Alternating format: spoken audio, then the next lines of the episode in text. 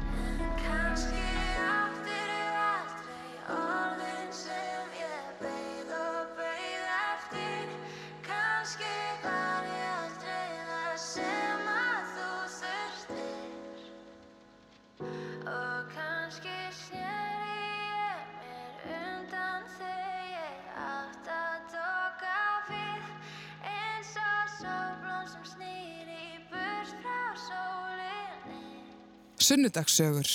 Alla sunnudaga strax eftir hátegisfréttir. Já, veriði velkomin í Sunnudasögur, það er Hulda Geistóttir sem stýrir þættinum í dag og við byrjuðum á að heyri henni Bríeti og lægja plötunennar nýju, þetta heitir Sólblóm Og gestur minn í sunnudasögum í dag er Tómas Knútsson sem að margir þekkja nú sem umhverfi sinnan og mannin á baku bláa herin en hann hefur margt fleira að spjalla en bara það frábara verkefni og við ætlum að fara hér yfir ímislegt úr hans lífi eftir smá stund. Við ætlum aðeins að kíkja hérna til veðurs, það var svo ljómandi bjart og fallegt úti þegar ég kom hérna fyrir svona klukkutíma og mér sýnist á kortinu að Það sé þannig áfram hér svona sunnan og vestanlands, bara bjartur og, og fýtt dagur en rigning fyrir norðan og skíjað á Östurlandi og hér á kortinu að minnstakosti er eh, sínaðir smá slittu í Bólungavík. Ég veit ekki hvort að það er endilega alveg rétt ef að bólvíkingar er að hlusta og, og vilja uh, senda mér nánari viðurlýsingu. Þá er þetta að nota Facebook síður ásar 2 að ég kíki eftir því sem þangað kemur. En það segir í hugleðingu viðurfræðings að það sé norðleg átt á landinu, all kvöss eða kvöss uh, fyrir norðan og austan en yfirleitt hægar í suðvestan til og það víða rigning á lálendi framan af degjum norðanvert landið en setnipartin dregur heldur úr ofankomu en kólnar aftur á móti svo snjólínan gæti þá náðniður á lálendi undir kvöld lengst af þurft syðra. Þetta er svona veðurstaðan eins og hún lítur út núna þennan ágæta sunnudag 1. november. Skulum heyra í Bruce Springsteen og í Street bandinu með lægið Ghost.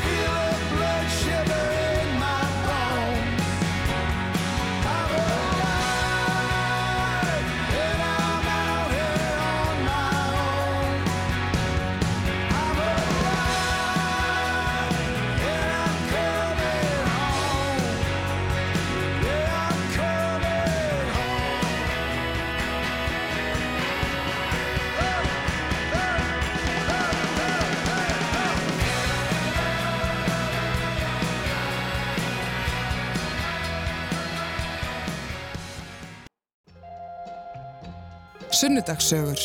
Alla sunnudaga strax eftir hátegisfréttir. Já, þá er komið að ég að kynna til leiks gestdagsins hér í sunnudagsögum hjá okkur. Það er hann Tómas Knútsson sem að margir þekkja, já kannski svona í tengslu við umhverfisverkefnið Bláa Herin, en við ætlum nú að tala um meir en það hérna þessa klukkustundum við höfum saman uh, hér á Rás 2. Velkomin, gaman að fá þig í hút. Já, takk fyrir það.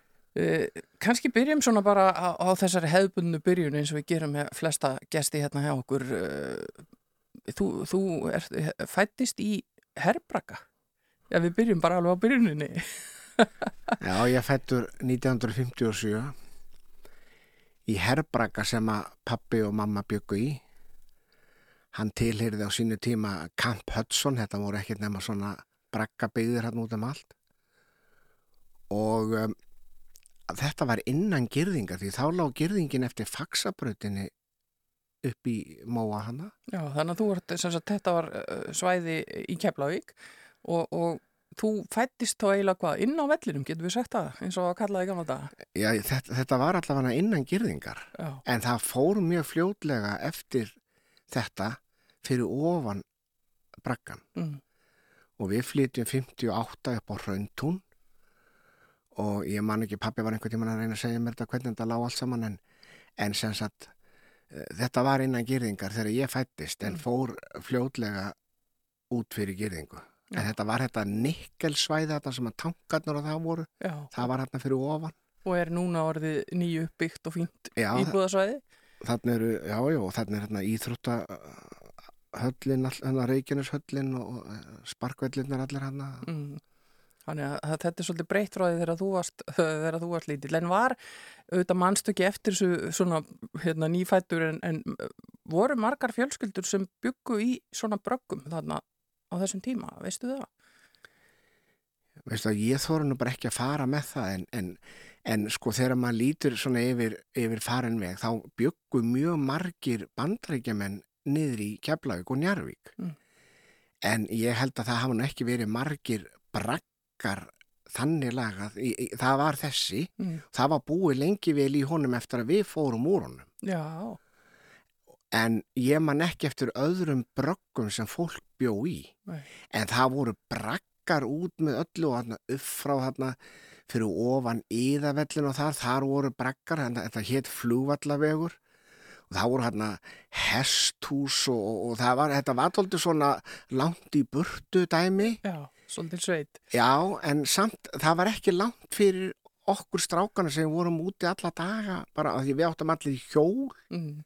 og við gáttum hjólað út og, það, og að fara þarna upp í þetta, var dóldi, já, þetta var dóldi svona maður fekk nesti messi, skilur við.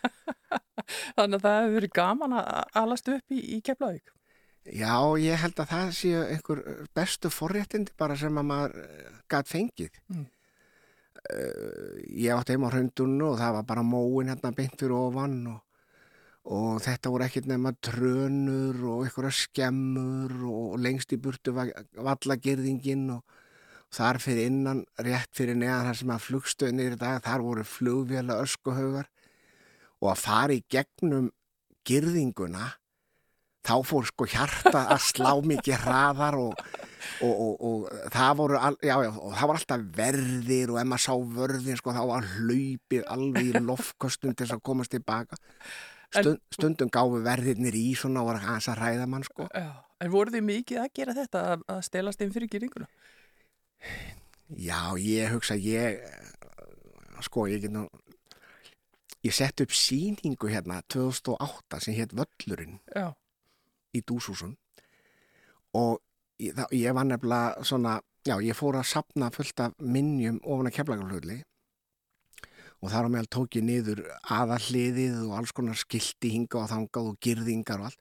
Svo sett ég upp svona smá girðingu hann inn í, hann, hann, hann bjónu til þessa, hann að þessa síningu, hann Björn G. Björnsson. Mm og ég sagði að það verður að vera smikklgat á gerðingunni þannig að, að, að því að það voru mjög margir að fara upp á flugvill í gegnum einhvers konar göt einhvers staðar. Já.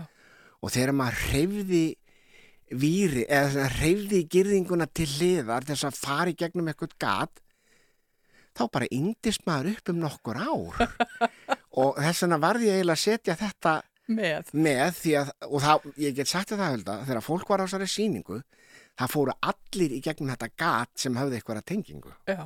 Margi sem að muna til því. Já, ég held nefnilega að við sem ólast upp í Keflag og Njarvík, við, það var ekkert spennandi nema að fara endrum og sinnum í gegn. Mm. Tala ekki um ef maður átti kannski nokkra eh, portera og gætt farið í einhverja maskínur og fengið sér, þá fekk maður sko eina kók Já. og eitt súkulastykki fyrir 25 cent. Já. og þetta var rosa spennandi þangað til að þeir uppgötu það bandaríkjumenn að fimmur gætt líka gert það sama á 25 centi þá fóru þeir eitthvað að breyta verðlagningunni Já, voru aðeins að taka á þessu. En þetta, þetta er auðvitað uh, allt annað raunveruleiki heldur en uh, önnur börn á Íslandi ólist uppi. Þetta er, þetta er ákveðin svona uh, spenna að vera nágranni varnalýsins og hafa þessa bandarísku hermenn alveg ofan í sér. Ég er náttúrulega pappi vann hérna hjá SO og stjórnaði hérna upp í knútstöð og hann tók mig í vinnuna alveg ofsalega oft Já. Og ég var svona ósnertanlegur alveg. Ég, ég gæti að lappað inn og út um flugvélarna sem voru að koma og fara. Ég var alltaf að sapna ykkur um elspítustokkum og ég hugsa að ég hafi lært ensku bara á kanasjónvarpinu og að vera upp á flugvill alla daga svo var ég náttúrulega með þessum SO-köllum keirandi út um alla jarðir og ég fór allavega út í slökkulið og það voru svona alls konar uppákomur sem að var svo þetta var, ég man alltaf eftir ég að sko fólki kom út úr uh, flugvélunum og það var kannski suðaustanátt og konur með fína hatta maður þetta flög af konunum því að það þurftur að lappa inn í flugstöðuna gamlu þá var ég að hlaupa upp í svona hatta og húr Já, retta og redda fólki og svo lappa ég bara inn í flugstöðuna og, og hérna og ég fekk einu sinni tíu dollara fyrir einhvern vola fínan hatt hjá einhverju fínni frú sem var allsæl að fá hattinn Já, hann var náttúrulega rennandi blöytur og því hann var búin að fjúka dóldi eftir rampinum en, en allavega hún fekk hattinn og ég fekk þess að tíu dólar og ég man alltaf hvað mér fannst þetta rosalega mikill peningur Já. tíu dólarar sko þetta hefur verið alveg stórfíð með að við gáum fjast fyrir 25 centin. Já, við erum að tala um sko, þetta er kannski svona 66, 78 skilur, ég er Já. 10, 12 ára eitthvað hérna, ég var hérna mjög mikið á þessum árum frá svona 67 til 70, 71, þá var ég hérna daglegur gestur og Já. Og þú fórst uh, samt ekki beint í að vinna sjálfur á vellinum eh, svona nema sem gutti, en þú fórst uh, eftir skóla, þú fórst í barnaskóla, gagfræðskólan ekki hefla og svo fórstu og varst tóveitur á núbi. Hvernig var það? það var bara æðislegt. Já, Ég held að þessi skólavist mín á Núbi og allt þetta fólk sem ég kynntist þar þetta hafi bara verið eitthvað svona uh, bestu tímar sem maður fekk að upplifa. Það var sko, við erum ennþá að halda alls konar svona núpsýttinga og, og, og, og allt í kringu það. En þarna komum við, við vorum nokkuð mörg hérna af Suðunesjum og við höfum alltaf haldið ossalega góðan vinskap. Mm. En allt þetta fólk sem að kynntist allstar aða landinu, það var, það var gullið í þessu öllu saman já, og uh, þetta voru svona, það var nú oft sagt það að það fólk sem var sendt á okkur á skóla sko, þetta væri ykkur svona vandræði gemsa sko. já, það hefur nú loðað við, við suma, suma þessum skólum að, að það hefur verið svona einhverju pottormar sem fóru þangað. Var það þannig í þínu tilfelli? Ég var kannski meira lifandi en aðrir á þessum tíma, ég uh, þóru nú ekki alveg að fara með það. Ég hef oft, oft sagt það sko að ég hef kannski verið meira lifandi en aðrir Mm. en svona já, ég hef alveg, alveg viðkjönda fyrir sjálfum mér að, ég er örgla með ADHD sko þegar að ef ég, ef ég fengi greiningu á því sko Já. En þú er ekki verið neitt pörupiltur, þú varst bara líflugur ungur maður, kraftmikill og, og, og ferð þarna að núbi til að nema. Já Mér, mér fannst, eh, sko ég heimsóttu nú núpann í sumar Já, bara renda þetta aðeins framjá og uh, það rifjast svona ímislegt upp fyrir mér en það sem ég held að þetta hafi nú fyrst og fremst gert þetta þroskaði mann. Og maður var uh, ákveðnar þegar maður kom tilbaka og treysti sér bara betur út í lífið vegna þess að eh, þú gast ekki vera að leggjast á öxlina á pappa og mömmu og, og, og, og, væl eitthvað eða var eitthvað prógram í gangi sem var ekki alveg nákvæmlega eins og þú vildir. Mm. En það var íþróttastarf og það var leiklistastarf og það voru það var alls konar afþreying sem var frábær. Já, ég spilaði mikið fótboltaðana og um, það voru úti, útivista tímarnir og þannig að þér eru bara liðið vel á núbi og, og notið þess að vera þarna. Já, og eignast vini fyrir lífstíð. já og, og, og, og góðar minningar og mér var svo gaman í sömar að við fórum hérna og rú, rúndum um eh, landið okkar og tölvört á vesturum og, og ég fór að heimsóti tvo fyrrum um, kennara mína á Valda á Mýrum og Begga á Felli og, Mm. og þegar ég hitti Valda á Mýrum að, þá var hún Lóa þar sem var í eldhúsinu og ég saði mitt við Lóa, veist að Lóa, ég held að hrefnukjötið sem þú eldar onni okkur og þess að 17 rétti sem kannski búið til úr því. Ég held að það hefði gert gæfi munni hvað var gott að vera á núbi og það var hefningjöð í öll mál skilur. Æ, þetta var yndislegt bara. Já, það ljómar þannig. Ég þekki það sjálf að hafa farið í á, á mentaskóla aldrei og það er algjörlega ógleymanlegt og ómetanlegt. Og það er einmitt þessi sambönd og þessi vinskapur við krakka allstar af landinu sem maður situr eftir. Og maður býra því út dæfina, það er alveg á hreinu. En þegar þú ert búin í skóla að, að þá fórstu á sjóin eða?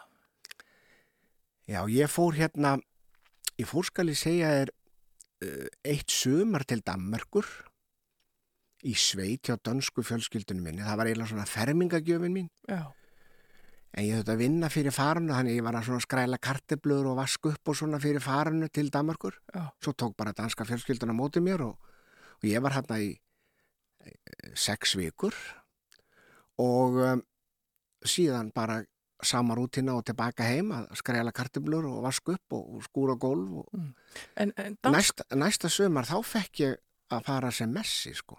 Já, þá var ég búin að vera eitt ári viðbútt á núpi. En, en já, og férst að fara aftur út. Eh, eh, þú- Danska fjölskyldan, útskýru það fyrir okkur. Er, þú- er, áttu danska forföður? já pappi minn var danskur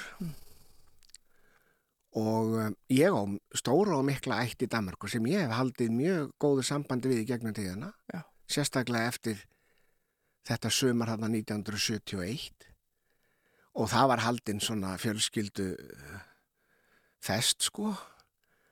Og uh, þetta sko þetta var dænskir bændur sem búa í svona stórum búgörða svo keirir í gegnum svona hlöðuna skilur yfir byggða og og uh, ég get alveg sagt þér það að mín danska ætt hún er hérna á söður Jótlandi í kringum Væli og Kolling og hérna söður eftir Mm. og forfeður mínir þeir voru það stórtækir hérna að það var sagt að þeir sem sagt um, þeir áttu nánast eitt þriðja af Jótlandi í rektarlandi Já. svo hefur náttúrulega klipist að þess alveg neyri bara en þeir eru ennþá þarna þrýr búkarðar Já.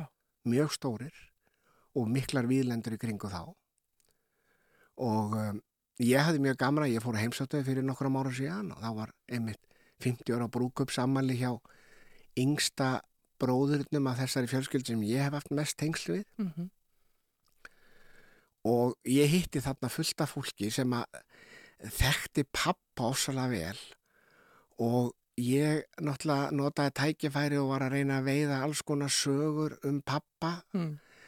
og um, sem betur fyrir þá náði ég að gera það því að sko amma mín og ég við tölum alltaf saman dönsku og ég og pappi tölum mjög oft saman dönsku Mm.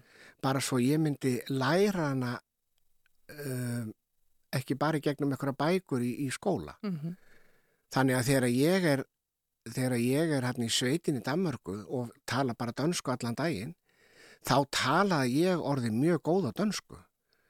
Þannig að það, ég, ég, ég bý ennþá að þessu að hafa farið þarna 2014 á þetta 50 ára brúkursamali og hitt allt þetta gamla góða fólk og fengið margar sögur af pappa sem ungu manni í Danmörku Mm. því að pappi ætlaði að fara að nema á sínu tíma bifvélavirkjun fer til Danmörkur að heimsækja sína dönsku ætt og verður innleiksa í stríðinu. Þannig hann er bara, gerð, hann er bara í hernum í Danmörku sem var innleiksa Mm. og vinnur bara þar. Síðan tekst honum og öðru manni að róa á árabát yfir til Svíþjóðar og komast með skipi þaðan til Íslands að því að Svíþjóð var, var sko ekki í hernumið. Og hann kemur til Íslands 44 frekar en 45 allavegna að og hann fer að vinna í Reykjavík hérna í hjá Páli Stefánsinni sem var með fordumbóðið og hann er bara lærði biflevirki og er að, að, að vinna þarna. Og sko tilur minnar fjölskyldu er er svo að það er eiginlega bara drullupolli á hverfiskötunni að þakka Býttu nú við. það var þannig að pappi var að fara heim með eitthvað bíl fyrir eitthvað forstjóran hérna frá Páli Stefansinni og keirir í drullupoll á hverfisgötun og skvettir á einhvern mann sem er að ganga þar Já. og um, hann stoppar og, og, og, og tekur mannin upp í og skuttlan þangað sem hann er að fara og, og þeir verða uh, svona félagar ykkurir Mm. og hittast síðan aftur og aftur og aftur og þessi maður, hann var þá hérna á vegum Standard Oil sem voru að setja upp einhvers konar elsneitis afgræslu á keflækuflugulli vegna þess að það var vera, búið að vera byggja hér flugull og, og, og, og það var flug hérna í gangi yfir, yfir hafið og, og uh, þegar þeir voru búin að vera að, að mingla saman í eitthvað sex mánuði þá kom að því að, hann skildi fara til bandaríkjan aftur og það er því fundin einhver maður sem ætti að stjórna þessari elsneitis afgræslu á keflækuflugulli og um,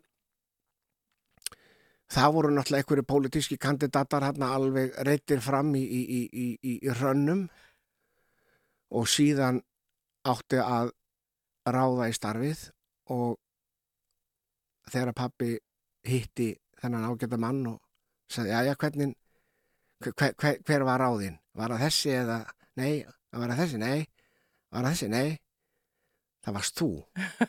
Ég, sagði pappi, já, þú ert einu maður sem ég treysti. Og hann og hafði ekki kannski verið að hamast í að sækjast eftir þessu? Nei, nei, hann hafði ekki neitt verið að hamast þetta. Þannig að pappi fór bara sögur á Já. keflaglull og flutti í þennan braka og 1. februar 1947 fór hann að vinna hjá henni íslenska steinálufélagi sem stöðastjóri fyrir oljuafgriðsluna þar Já.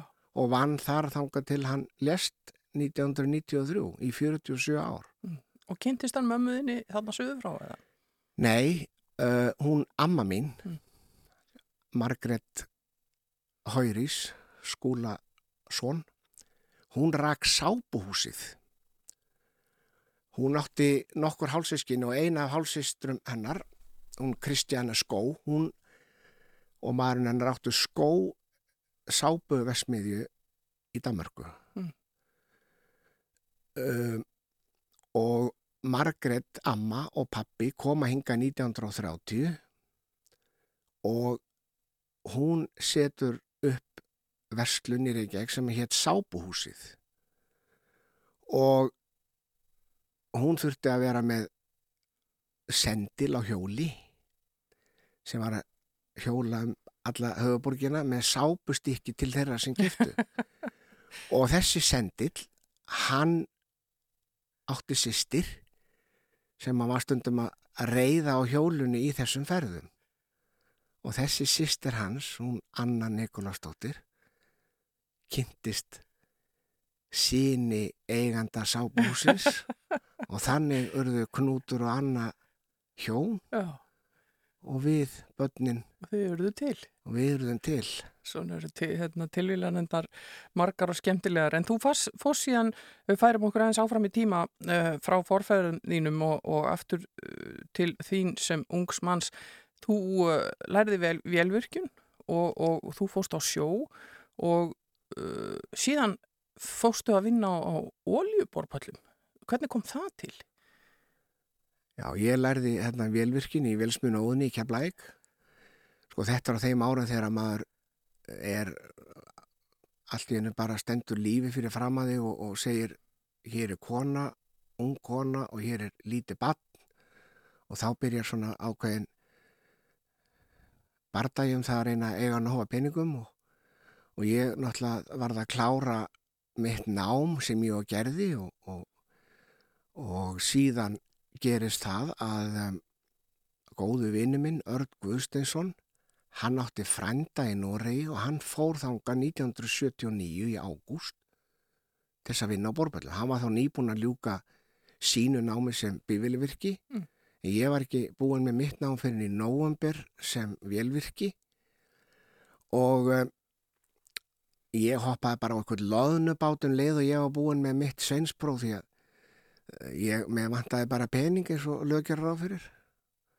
Og hverju vantar það ekki þegar öll er á botni góld Það er blessu við peningar alltaf það er alltaf manni. en allavega það var bara skellt í það að fara á loðnu og það gekk nú svona upp og ofan. Nema það öll kom hérna jólin 1979 og er að segja við mig að ég er að koma til Norex maður því líkir peningar hérna maður. Já já ég, ég, ég er nú á ég er nú á hún kepla maður ég finn ekki að hoppa bara í land svona eitthvað og já já svo förum við út eftir áramótin og og það er verið að berja á loðnun út um allt maður og það var voðalega lítið upp úr þess að hafa maður og ég segi við einar gamla skýstjóra herru ég bara er auksum að fá að fara í land bara þú mátt missa mig því að mér langar að fara til Norex og prófa þetta Já. og ég var bara settur í land á Bíldudal og svo bara flög ég til Keflavíkur og það var bara beint í Norex og ég var bara komin í vinnu eftir þrjá daga og eftir viku þá var ég bara að byrja að vinna hjá fyrirtæki eftir að fara í ykkur í gegnum svona safety kursa og, og svo var maður bara sendur í þryggja vikna öryggist námskeið á svona borpalli sem er í landi þar sem allt er æft alveg daginn út og daginn inn Já. og það var gert upp með það þannig að það þurfti hver og einn einasti aðili að geta stjórna björgunabátunum og að setja þá í hafið og starta þeim og sigla þeim í burtu. Því að ef eitthvað kemur upp á þá er ekki endilega bara eitthvað, eitthvað teimi tilbúið og, og, og þeir lifðu af eitthvað seremónir sem eru kannski hugsanlega á borfallinu þannig að það eru allir vera jafnir í þessum öryggismálum. Mm. og síðan vann ég þarna í ég var þarna í eitt og hálft ár í Noregi á þessum borfallum þjena náttúrulega alveg rosalega. Borgaði bara íbúin upp alveg og, og, og hafði mjög, já þetta var mjög spennandi og skemmtuleg tími. En líka reyndar doldið tragedískur því að hann, hann fóst hann Alexander Kjelland borpallurinn. Já, þetta er á þeim tíma. já ég, ég hérna ég var á Kjelland bara nokkru dögum áður en hann kvóldi og ég var ammali 22. mars hann fóst 27. Mm. og ég hefði sendt pappa skei, einn svona póskort, það var óalega vinsælt að senda póskort frá Já. og ég skrifaði mitt í póskort ég verð hérna til 1. apríl Á, en svo fest hann 27. og uh, ég var þá bara í landi og, og, og, en Öddi var á leiðinni heim til Íslands og ég treysti í bara Öddi myndi segja pappa frá sig þegar hann myndi hitta á hann og var ekkert að, að, að ég, ég reynda að ringdi heim og það svaraði ekki og þá dætt mér að pappi var bara byrjum sjömbústað og, og nema það að það gerist ekki neitt og ég var svo sem, þetta var náttúrulega maður var svo heldtekinn af þessu slísi að það maður bara og, og í, reyn, í reyndinni var maður aldrei sjokkara líka mm. en Öddi komst nú ekki alveg heim svona 1 og 3 til þess að segja pappa frá þessu nema það að enda með því að ég ringdi á bóndabæin upp í kjós og bað á um að fara og segja pappa að þú hefur ekki já, verið já. Og pappi var nú sem betur verið bara mjög sáttur að heyra það. Já. Og ekki verið búin að fá póskortið Jú, hann var enda búin að fá kortið. En, en hérna, kannski það vestavita var það að það var talað um það að það væri einn íslendingur sem hefði hugsanlega farist með honum. En það var allt annað maður. En þarna, svo fór ég fljótlega út á stórt og mikið björgunarskip við að reyna að hjálpa til við að taka á móti líkonu sem voru að finnast það var náttúrulega, það fór allt á annan endan og það var engin normaður sem treysti sér til að fara út í einhverjar björgunaraðgerð. Þetta voru aðalega erlendu starfsmennir Mm. Sem treystu sér og við vorum bara spurðir hverju treysta sér til að fara hérna í þessa, þetta verkefni. Og ég var náttúrulega búin að vera í björgunarsitjarna lengi í Keflavík og björgunarsitjarna stakkur sem á búin að fara gegnum alls konar svona námskeið þannig að ég bara rétt upp hend og fór í þetta og ég var hérna í 10-12 daga við að taka á móti þegar var að vera að hýfa upp úr pallinum þar sem fannst inn í því og fyrir utan þetta var náttúrulega alveg skelfilegt sko það voru tveir prestar hérna sem að vo- tóku þig sko á klukkutíma fresti og töluði við þig þess að það var svona fyrsta uh, áfallahjálpin sem að ég lærði Já. en þetta var mikið högg fyrir norskan ólíðina og norsk samfélag Mm. og um, þetta situr stundum svona aðeins í mér því að því að hérna þetta var þetta, mér fannst eins og ég hef verið bara heppin hafa átt hennan ammælistag að því ég grenjaði út að fá að fara í landa því ég var eiginlega búinn með þetta verkefni sem ég var að vinna í. Já. Ég var, ég- var, var að vinna sem vélverki að þvælast á milli borballa að setja ykkur svona tæki og tól á vélar svo að vera þetta að drepa á þeim ef það kom upp eitthvað hættu ástand á pöllunum, þeir voru allir hólfaðir svona niður í rauð, gul og blá og, og eitthvað svæði sko Mhm. og ef það kom eitthvað upp á, á rauðarsvæðinu þá var þetta ít á einn napp þá lokaðist fyrir vélarnar sem voru í gangi til þess að minka eldhættuna. Og ég var bara búinn með þennan þennan vélakvóta sem ég átti að setja á. Mm.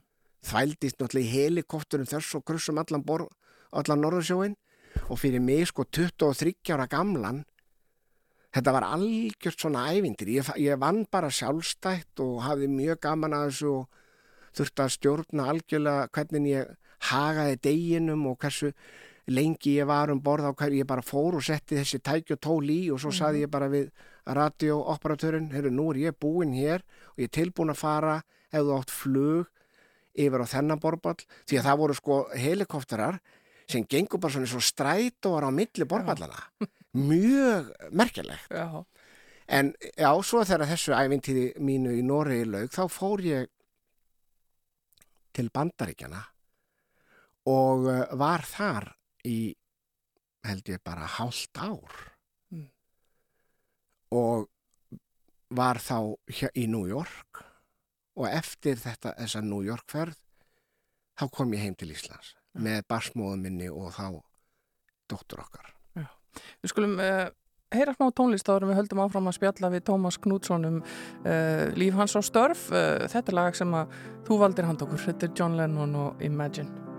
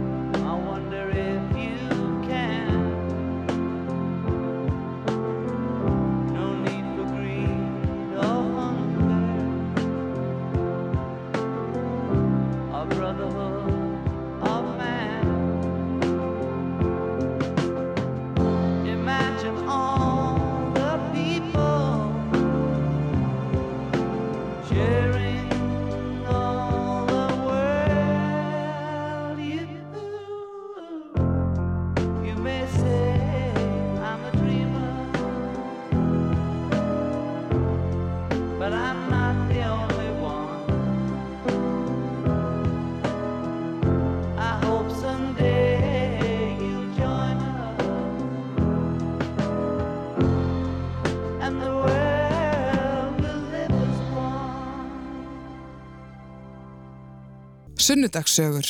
Alla sunnudaga strax eftir hátegisfréttir.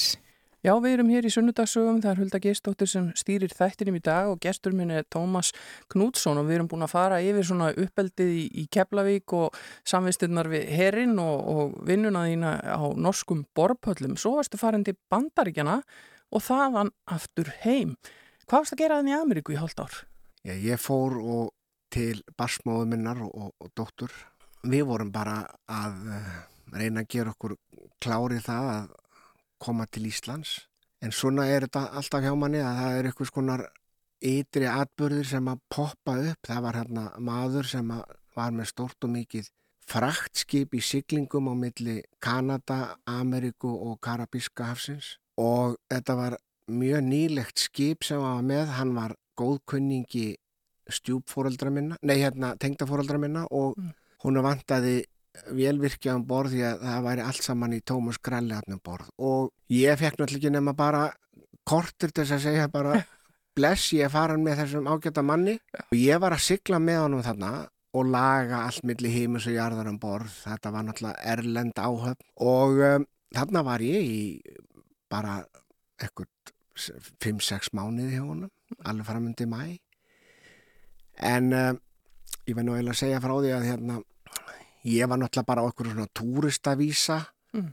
og svo í New York eða út í Port Elizabeth í New Jersey þá eru þarna maður og kona á vegum yfirvaldan að skoða pappiran alla og, og, og segja svona eitthvað við mig, heyrðu þú ert náttúrulega ekki hér á réttum forsendum varandi hennan stimpil sem út með í passanveginum og uh, skýstjórin hann var þarna alveg grandalaus fyrir því að þetta skildi koma upp Já. og ég sá fyrir mér að hérna ég er því tekin og, og, og settur í eitthvað deportation dæmi sko Sendur úr landi, stimpil og fengir ekki að koma aður. svo ég hugsaði með mér aðja, ég ætla að láta reyna á herrkensku mína í það að klappa rétta fólkinu á bakið Mm. svo ég saði við þau ég ætla að segja ykkur eitt að ég get ekki réttlætt þetta að vera hér um borð á þessum pappirum en ef þið viljið líta fram hjá þessu þá er ég tilbúin að fara hérna nýr í frost og gefa ykkur sikkur á öskjuna af róðlausri og beinlausri ísu sem er besti fiskur í heimi. Og þið leiðið mér að fara eitt túri viðbútt því að ég er að fara heim til Íslands eftir Já. mánuð og þau samþyktu þetta og fóru í land með sikkur og öskjuna ferskri íslenskri frosinni ísu Já. og ég slapp fyrir hotn Já, það er að skipta á ýmsu. En uh, síðan ferðu að kafa. Hvenær byrjar að kafa? Hvenær gerast þú kafari? Hefur það náttúrulega var bara kana sjónvarpið og þessi kústóþættir sem að einhvern veginn opnuðu augun fyrir þessar heimi hjá mér og ég fór strax að fykta að vita upp úr 16 ára aldri. Ég komst í eitthvað svona björguna, eh, komst í galla sem var björguna 17 átti og Já. svo kom hann náttúrulega upp á þarna allskins leitar sem að voru mjög íþingjandi fyrir samfélögin þarna sögðum með sjó, geirfinnur og allt þetta prógram og, og en svo fæ, fæ ég tækifæri á því að læra sporköfun Mm. amerísk kona sem var upp á velli sem að kenda okkur hérna tíu strákum í björgunarsveitinni stakkur og ég gjössanlega heitlaðast að þessum heimi og um, þetta var fljótlega til þess að ég svona eignaðist minn fyrsta froskmannabúning Mm. og fór bara að kafa alveg á fullu Já. og ég hugsa undir meðutundin hafi kveiknað gagvað þessum umhverjusmálum vegna þess að það voru allar hafni fullar að rusli og drasli, það var allir flykt í sjóin Já. en það kom síðan mikið setna en ég allavega kafaði mjög mikið. Það voru mjög oft svona leitar Já. og við urðum náttúrulega bara að vera klappar og klárin í sama veðri sama hvernig við það var sko. Já. svo einhvern veginn þá dettur þetta meir og minna svona upp fyrir. Þetta, þetta, þetta verður mikið svona markvissari þessir köfunar flokkar og svona. Mm hitt var meira bara svona hipsum hapsum oft þetta fer að fara í betri farveg og, og, og menn fara svona að verða betri leitar kafarar og, og því að sko, það er ekkert eins ömulegt eins og að vera að leita í einhverju höfna vetri til að einhverjum látnum hugsanlega og aðstandendunir upp á bryggju grenjandi og allt í klessu og, vonlust atrið sko. Það lítur að taka á. Já, það, það gerði það mjög mikið. Já. En þannig að þú færðir þið svolítið úr þessari svona leitarköfun og, og, og yfir í annars konar köfun og fóst meðal annars og kendir uh, köfun í Belize. Já, ég ég fór hérna já, já, þetta er svona Það er allskins æfintýri. já, þetta er, þetta er alveg magnar sko. Mér dettur stundum eitthvað í hug og það er bara framkant Þú veist, ég var, ég var að fletta svona einhverju skindiver magasín og diving liverboards in Belize eitthvað og ég alveg bara, vei, sækjum hér maður það var bara hringt eftir hálftíma Þú veist, ég fekk bara faxskilur á pósthúsi í kjálflæði Já. það var ekki farsímar og dæmi Nei, nei. svo ég var bara farin að þetta er hálfa mánu á hana, á hana stað Og var hann að kenna köfun. Já, ég fór náttúrulega til Flórud og lærði þetta allt saman og, og ég, það, já, þetta Belístæmi, það var alveg geggja sko. Ég, ég gleymi ekki þegar ég kom til Belís, þá fór ég bara beint þarna og ramata inn og, og, og, og, og stimplaði með þar inn því að skipi átt að koma daginn eftir og ég kveikt á sjónvarpinu og, og, og þá var hérna, þá var einhver þáttur og hann var að syngja hérna lægið hann Jimmy Cliff hérna I can see clearly now Já. The fannst- rain is gone. mér fannst einhvern veginn svo að, að, að þetta væri það væri verið að taka á móti mér sko. Já, þetta væri málið. og þarna var ég í eitt ár að kafa ég kafaði eitthvað 860 kafanir sko. þú fórst mörgur sinnum á dag með túrista að kafa og veist, vera á stuttbygsum og ermalösum ból og bara sólbrúnna næs og e einhver verkir í skroknum og, og, og, kynnast öllu þessu fólki allstaðar aður heiminum og, og, og sjá alla þess að lita dýr, það er allt annar heimur Já. undir yfirborði heldur en sko fólk getur ímynda sér og það í raun og veri er upplifunin það að fá að kenna fólki að kafa til þess að upplifa þessa litadýrð og þennan stórfenglega heim sem er þarna Já. sko, mesta kikkið sem kennari er að hlusta á nemynduna tala eftir fyrsta tíman í sjónum Mm. því sko, það er alveg sko, þú færi tár í augun vegna þess að þau eru bara sjóndeildarhingurinn, hann stækkaði um fleiri hundru gráður sko. Það, það fannst mér alltaf lang skemmtilegasta augnablikið En af hverju fóstu heim aftur í, í, í kuldan og, og, og ruslið í íslensku höfnunum? ég var náttúrulega búin að vera að vinna hann í slökkunin líka Mm. og það dó góðu vini mín í slökkulegin og ég hringdi í slökkustjóran var að votta samú mína svona og það er alltaf laust plásið þetta hérna, mundu það. Ef þú vilt koma aftur? já, og ég var bara nýr á strönd í svona 25 centa símaskilur Já.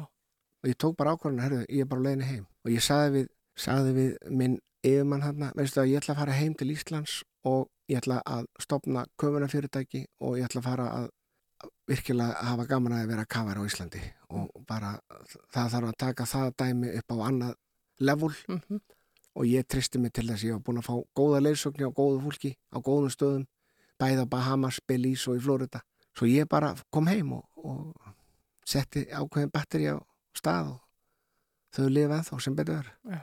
Og, og hvernig gekk þetta? Var þetta ströggla að koma uh, fyrirtækin í gang eða var þörf fyrir þetta og, og fór alltaf á flughjöðu strax?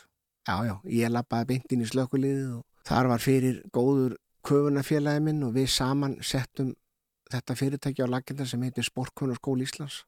Uh, aðeins á undan því var ég búin að vera svona að kafa tínu brusl með mínu nemyndum, það var ekki þá komið þetta formlega heit á hennan skóla Mm og um, við setjum hennan skóla bara stað og það bara fyllast allir, öll námskeið bara og það er bara mjög mikið að gera við að kenna köfun og við erum alveg á flegi fer bara lengi Mm. en svo þarna í byrjun þá fá, fæ ég þá er, uh, fæ ég rosa högg verð fyrir miklu áfalli Mm. því það druknaði einn nefnandin hjá mér Rúnar Bárður Ólafsson þetta var 14. november 1998 og þetta var þetta var nánast rótök sko ég var bara ég vissi ekki hvert, hvað hefði komið fyrir sko Mm. Þetta kom voru við að hann var að læra og, og við vorum búin að fara í gegnum nokkra kafanir og, og það var allt saman sem að lofaði bara rosalega góðu en svo eru konur upp á yfirborði í einni gufunni og honum svelgist eitthvað á og, og verður fær eitthvað panik og, og ég náði ekki að ráða við það sko. Og það var alveg sama hvað við gerðum til þess að reyna að endur lífga og allt það, það tókst ekki sko ég kom honum mjög fljótlega í land sko Mm. en það tókst ekki því miður og ég hérna ég hétt sjálfur með því að á meðan ég myndi anda þá myndi ég berjast fyrir hafið vegna þess að það var það sem hann hlakkaði til að fá að taka þátt í Mhm. það var að gerast hermaður bláhersins þannig að ég hef tilengað störfum mínum fyrir þessa umhverjusvend minningu Rúnars sem að dó allt og snemma og þetta var mér rosalega erfitt. Og í þessari sorg sem að ég var í ég var alveg sko ég er ekki að grínast með þetta mér fannst eins og ég hefði enga stjórn á því hvað ég gerði. Mér fannst eins og ég væri bara leittur áfram. Mm. og ég varð að fara einhver til að fá að bara geta fundið einhvers konar sálaró ég fór á flúðir í sumabústa slökkulisins og var bara í labbi túrum hann um allt svæðið og, og einn daginn þá þetta var náttúrulega komið hann fram í desember og einn daginn þá sé ég bara rosalega mikinn gufustrók frá haugadalnum og ég hugsa, vá, hann er aldrei þess að strokkur blæs. Jæja, svo lappa ég heim aftur maður og, og er bara hann í kvöldkyrðinni og þá heyri ég það í fréttum að geysir hefði allt innu gósið og ég lagði mig aðeins og til mín kemur einhver andi og segir þú þart að fara og tala við þinn æðri mátt Mm. og ég upp í bílinn og keiri þarna um og keiri eitthvað tóma vitli sem var algjörlega eitthvað lost þarna. Og, þvældist í, inn á einhver tún og þurfti að snúa við og, og ég veit ekki hvert ég var komin nema það að ég loksins rataði nú upp í skálholt og fór bara inn og lappaði hann inn og settist á fremsta bekk og, og bað bara almættið um að reyna að hjálpa mig því að ég var algjörlega týndur sko Mhm.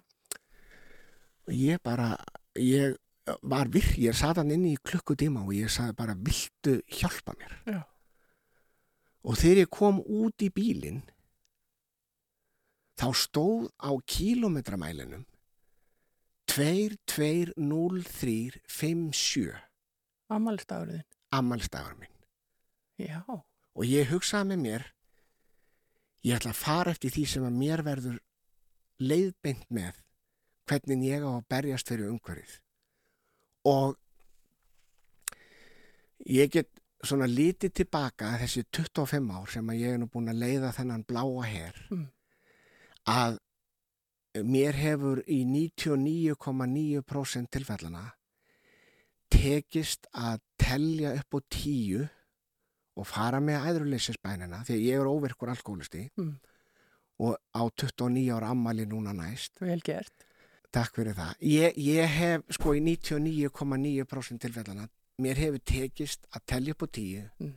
og fara með æðruleysisbænina og lappa út frá þeim leiðindum sem að hafa verið að skapast þegar ég hef verið að berjast fyrir umhverfið vegna að að fara af stað með verkefni sem að allir töldu óvinnandi veg ég álitin sko algjör vittlesingur galinn í raun og veru. Mm.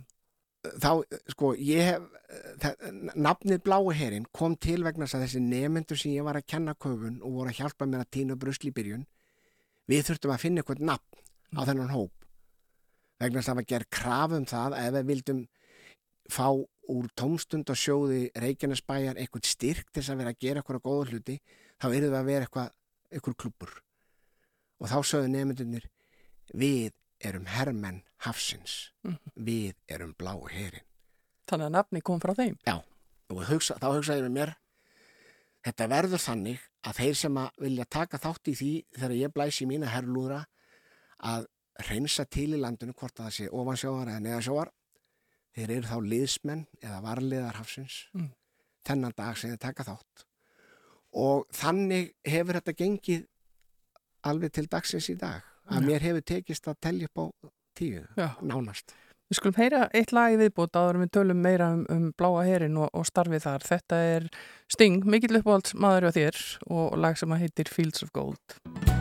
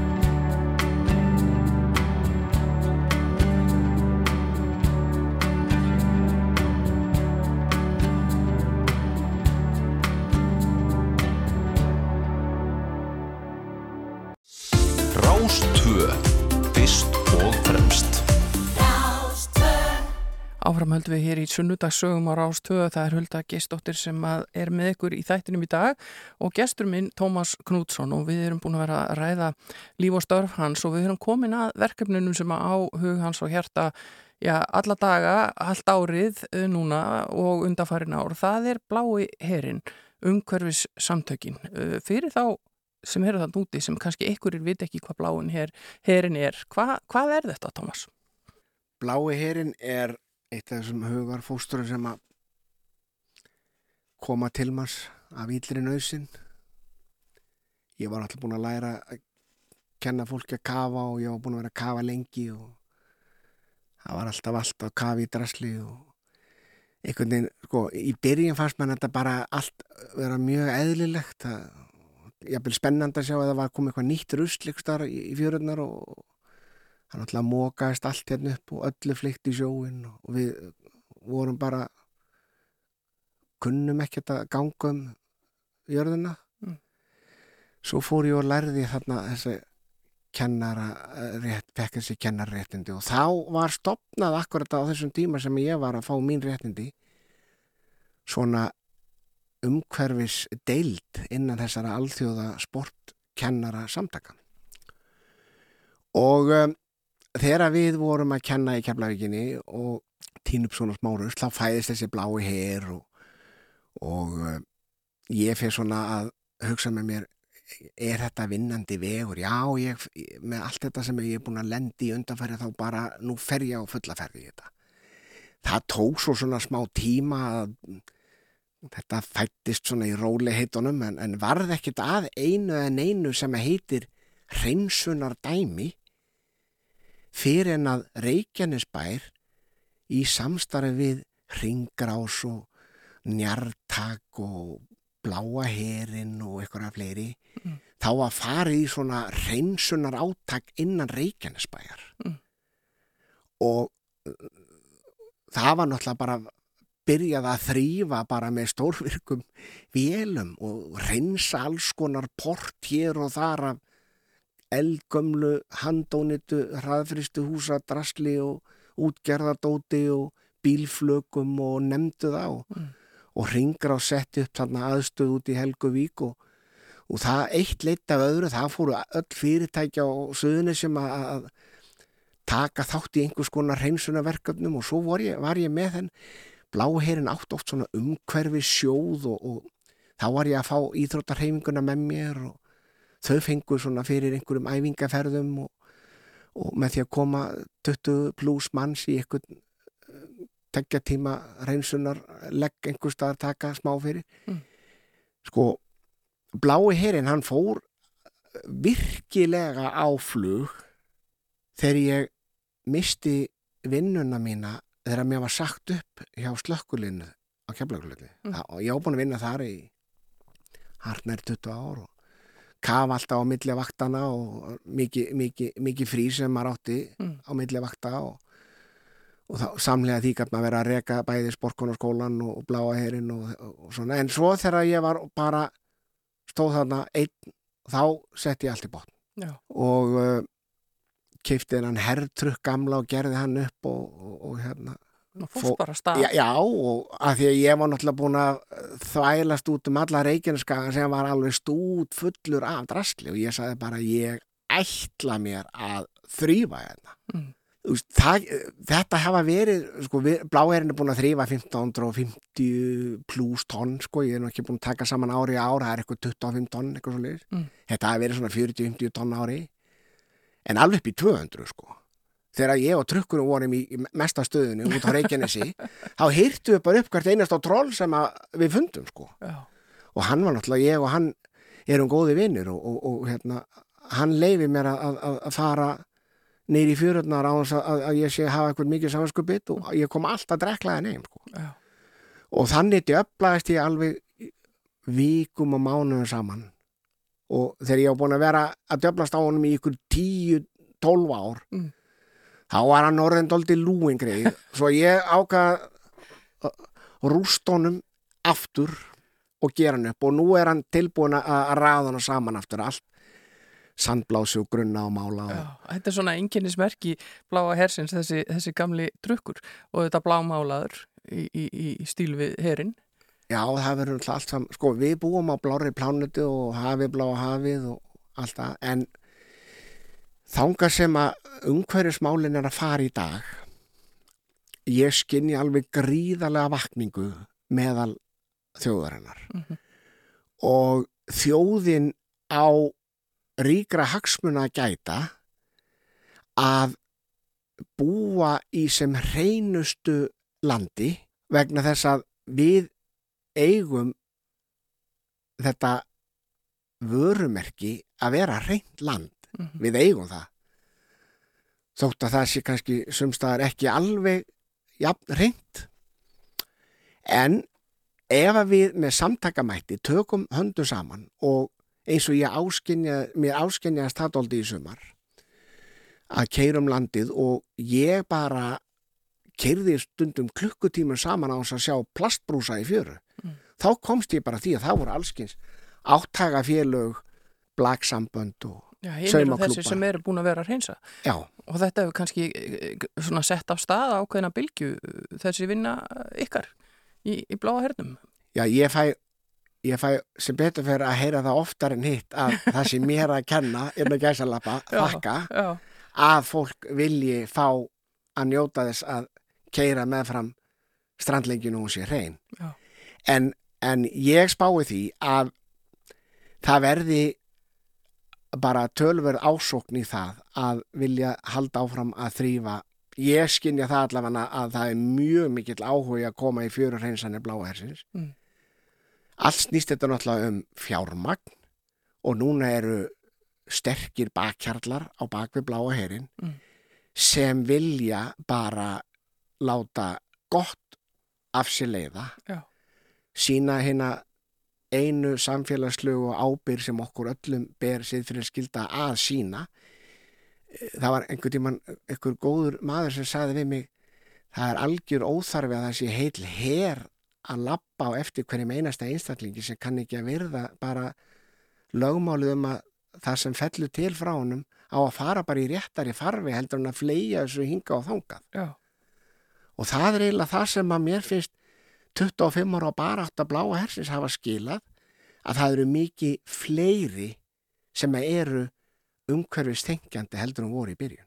Já. Og það er, ég skynja það að þjóðin, hún er öll tilbúin í þetta að vilja gera góða hluti. það er gott. Við skulum heyra hérna í- í Rúnajúl og, og söngnum um lífið.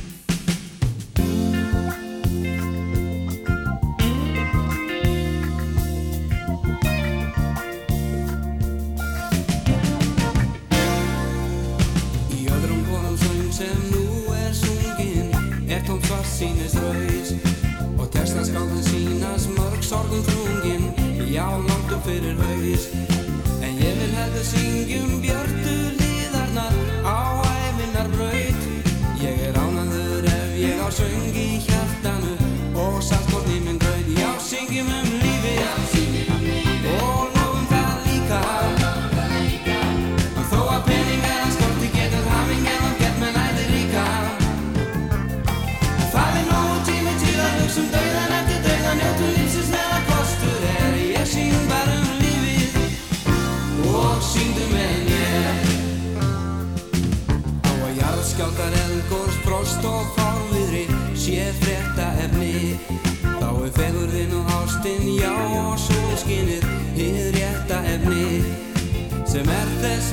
sé leitað uppi og notið sé vel. Því að bjassín og bros og gleð í sálinni er best það ég tel